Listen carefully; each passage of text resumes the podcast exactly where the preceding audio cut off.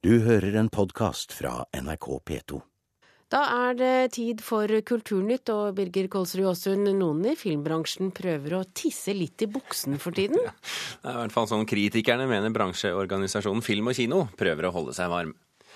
De siste årene har DVD-salget stupt her i landet, mens strømming av film på nettet er på full fart inn.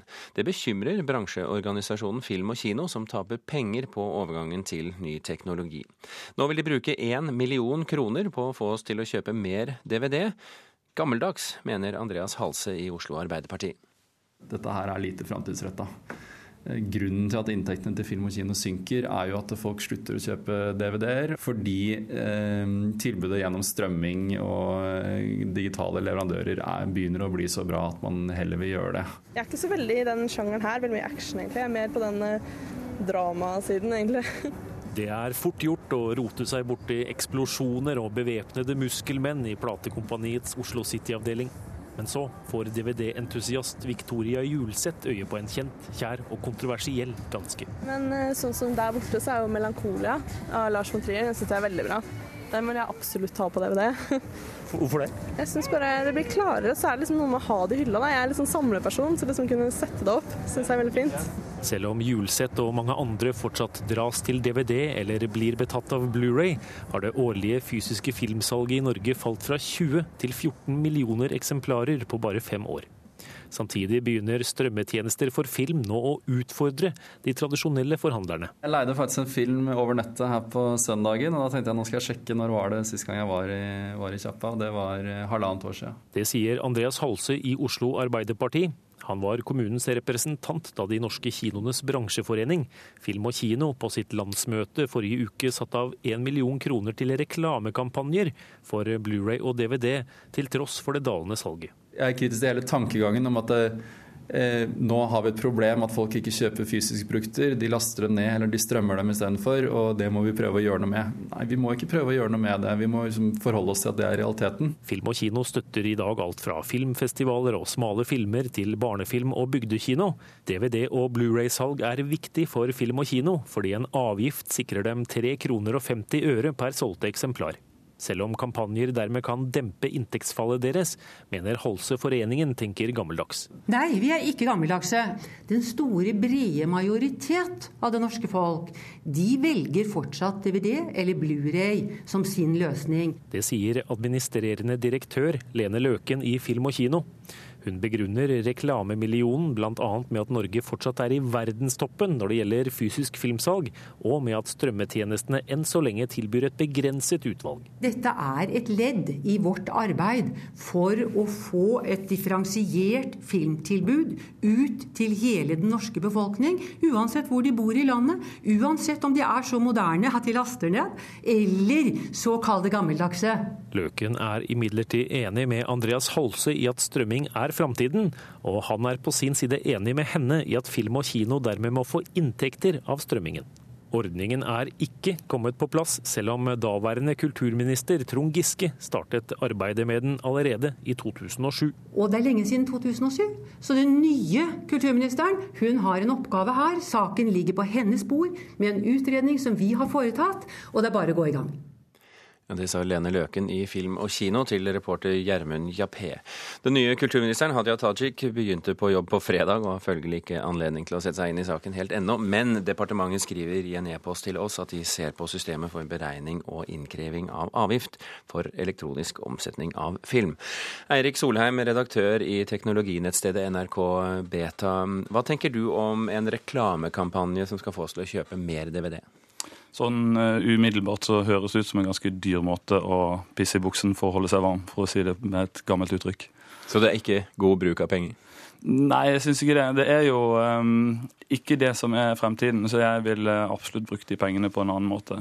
Men som det ble sagt her, det selges fremdeles en del fysiske formater, sånn at en sånn reklamekampanje vil sikkert fungere. Du vil kunne klare å øke salget litt. Hvis de får en tre-fire kroner per DVD, så må de vel selge, eller kampanjen må sørge for 250 000 til 300 000 i økt salg for at de i hvert fall skal få tilbake igjen den millionen sin. Men jeg ville heller brukt de pengene på å se litt lenger frem. Den store majoriteten ser jo fremdeles film på DVD. Kan det ikke være en idé for film og kino å få seg et lite pusterom ved å bruke en million på det? Jo, det er jo sånn Man blir jo varm. Eh, og hvis de ser at døren ikke er så langt unna, så de vet at de straks kommer hjem eh, foran en varm peis, så er det jo greit. Så kan de jo eh, brenne av litt penger på å um, forlenge det litt. Men i utgangspunktet så er det såpass mye som skjer akkurat nå, i retning vekk fra fysiske format, at jeg vil nok heller bruke de pengene på noe annet. Folk som følger med bl.a. her på Kulturnytt, har jo hørt at både Netflix, HBO og iTunes eh, skal etablere iTunes er jo etablert, men HBO og Netflix skal etablere seg i Norge. Tilbudet når det gjelder strømming av film på eh, nett blir stadig bedre. Eh, hva syns du om timingen her? Nei, Det er den som er ekstra dårlig. For det er akkurat nå denne høsten her, som du nevner, så er det en del av de store aktørene som kommer inn og øker tilbudet, som gjør at vi kan strømme flere filmer. Og de av oss som følger med på teknologiutviklingen, ser også at eh, de store TV-leverandørene og de som leverer utstyret som vi har hjemme, de satser knallhardt på TV-apparater og bokser som gir deg større medietilbud via internett, og ikke ikke så knallhardt på bokser som, eh, som lar deg spille av DVD og Blu-ray. Det, det har de lagt bak seg. Så timingen ikke spesielt bra. Utfordringen med overgang fra fysiske til digitale produkter gjelder jo ikke bare film, det gjelder jo også litteratur, musikk eh, og media. Hva vil du si er den beste strategien for disse i å møte et digitalt innhold? Den aller beste strategien har vist seg å være den Altså, du, du, må være den beste tilbyderen av ditt eget innhold. Så hvis du er den som leverer innholdet best til publikum, så vinner du. Sånn at eh, med piratvirksomhet innenfor musikk, så viser det seg da at når Spotify og Wimp og disse strømmingstjenestene som er ordentlig gode, når de kommer, så, så går piratvirksomheten ned. Eh, fordi at det kommer tilbud som fungerer enda bedre. Sånn at det de må gjøre, at de må bare jobber knallhardt for å være den beste tilbyderen. Dette styres av publikum og deres ønske om enda enklere tilgang. Og Det viser seg at den enkleste måten er via nettet og via strømming og den type tjenester. Det er det publikum vil ha. Så da nytter det ikke verken med reklamekampanjer eller noe å skyve publikums ønske om, om hvor de vil hen. Eirik Solheim, NRK Beta, tusen takk for at du kom til Kulturnytt. Det skal nå dreie seg om amerikanske TV-serier. Spenningsserien Homeland vant prisen for beste TV-drama under nattens Emmy-prisutdeling. Den brøt dermed Mad Mens seiersrekke de siste fire årene, som for øvrig måtte gå tomhendte hjem til tross for 17 nominasjoner. Beste skuespillere ble Claire Danes og Damon Lewis i Homeland, som også vant for beste manus. Emmy er den amerikanske TV-bransjens årlige feiring av seg selv. Det kan bli streik blant avisbud over hele landet. Norsk Transportarbeiderforbund, som organiserer avisbudene, møter motparten, Mediebedriftenes Landsforening, til mekling hos Riksmeklingsmannen i dag. Dersom det ikke blir enighet, kan 1200 avisbud bli tatt ut i streik fra og med i morgen. Nettbokhandelen Haugen Bok i Volda selges til forlagshuset Vigmostad og Bjørke. Forlaget kjøpte sine første aksjer i nettbokhandelen i fjor, og har nå kjøpt resten av aksjene. Haugen Bok er en av de ledende nettbokhandlene i landet, og omsatte i fjor for over 114 millioner kroner. Det er en fjær i hatten for regissør Erik Poppe at han har fått med seg den Oscar-vinnende skuespilleren Juliette Binoche i sin eh, nye film. Det sier NRKs filmekspert Birger Vestmo. For regissør Erik Poppe har en drøm gått i oppfyllelse. Her har jeg eh, en del av henne. Filmregissør Erik Poppe tar ut en DVD fra hylla som nesten dekker en hel vegg hjemme i stua hans på Jar i Bærum. Ja, altså Den som jeg er mest glad i, er nok eh blå. Som uh, Jeg tror det var første gangen jeg virkelig ble eh, helt forhekset, altså. Han snakker om den verdensberømte skuespilleren og Oscar-vinneren Juliette Binoche og hennes rolle i filmen Blå. Nå har hun sagt ja til å spille hovedrollen i Poppes nye film A Thousand Times Good Night, som handler om den berømte pressefotografen Rebekka, som prøver å balansere rollen som krigsfotograf med rollen som god mor og kone i Norge. Binoche var Poppes førstevalg til rollen. Og for meg er det jo bare helt eh, utrolig inspirerende. Jeg grugleder meg, eh, virkelig. Og så bruker hun så lite sitt spill. Hun er liksom ikke stor. Hun klarer liksom å uttrykke så mye med så lite. A Filmen 'Den engelske pasienten' fra 1996 fikk stor betydning for Binoche. Hun vant Oscar for beste kvinnelige birolle. Litt fortumla, jeg. Erik Poppe har akkurat kommet hjem fra Afrika, hvor han har startet innspillingen av sin nye film. Mens han satt på flyet hjem til Norge, kunne den engelske avisen The Guardian fortelle at Juliette Binoche sier hun skal spille i en film av nordmannen Erik Poppe. Nå har vi begynt å jobbe sammen. Jeg sa til uh, Kirsten, kona mi her, at uh, nå ringer Juliette meg oftere enn du gjør det, så nå må du ta igjen. Fordi vi stort sett har jo snakket masse sammen på telefonen.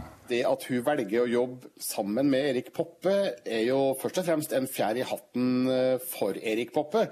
For Juliette Binoche kan jobbe med omtrent hvem som helst. Det sier filmanmelder i NRK, Birger Vestmo. Hun går ikke først og fremst etter de store publikumsfilmene. Det virker som hun går etter eh, filmer og roller som interesserer hun, som eh, gir hun utfordringer, som hun kan eh, skikkelig virkelig bryne seg på.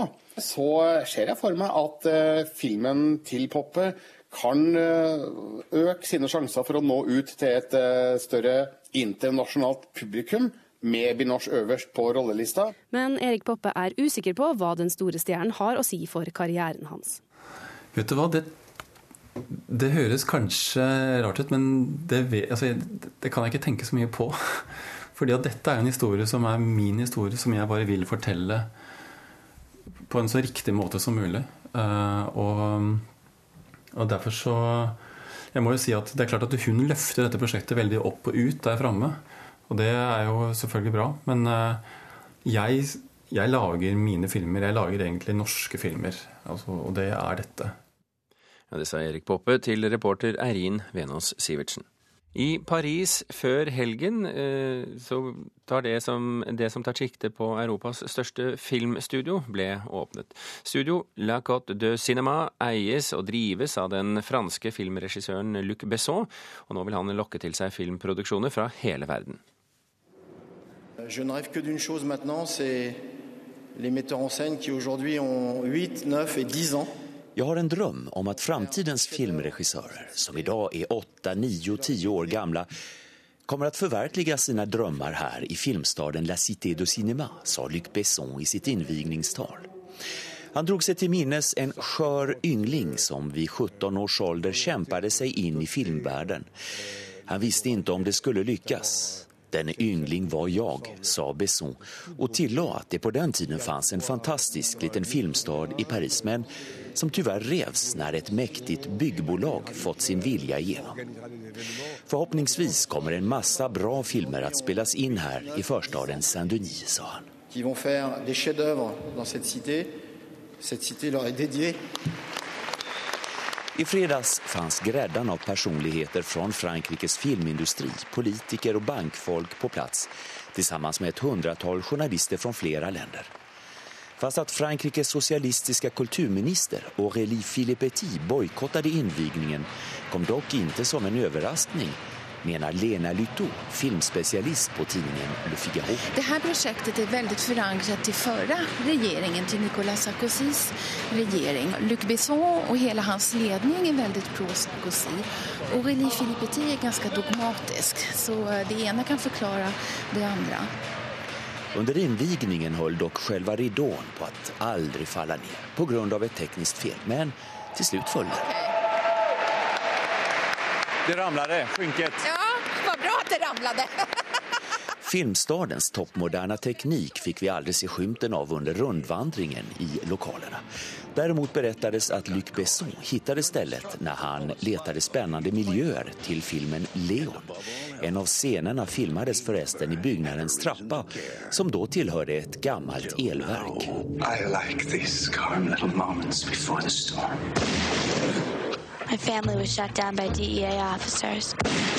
Målet är att locka en rad internationella filmproduktioner till Saint-Denis med sin ultramoderna teknik och ett tiotal studios på en yta av 10 000 kvadratmeter.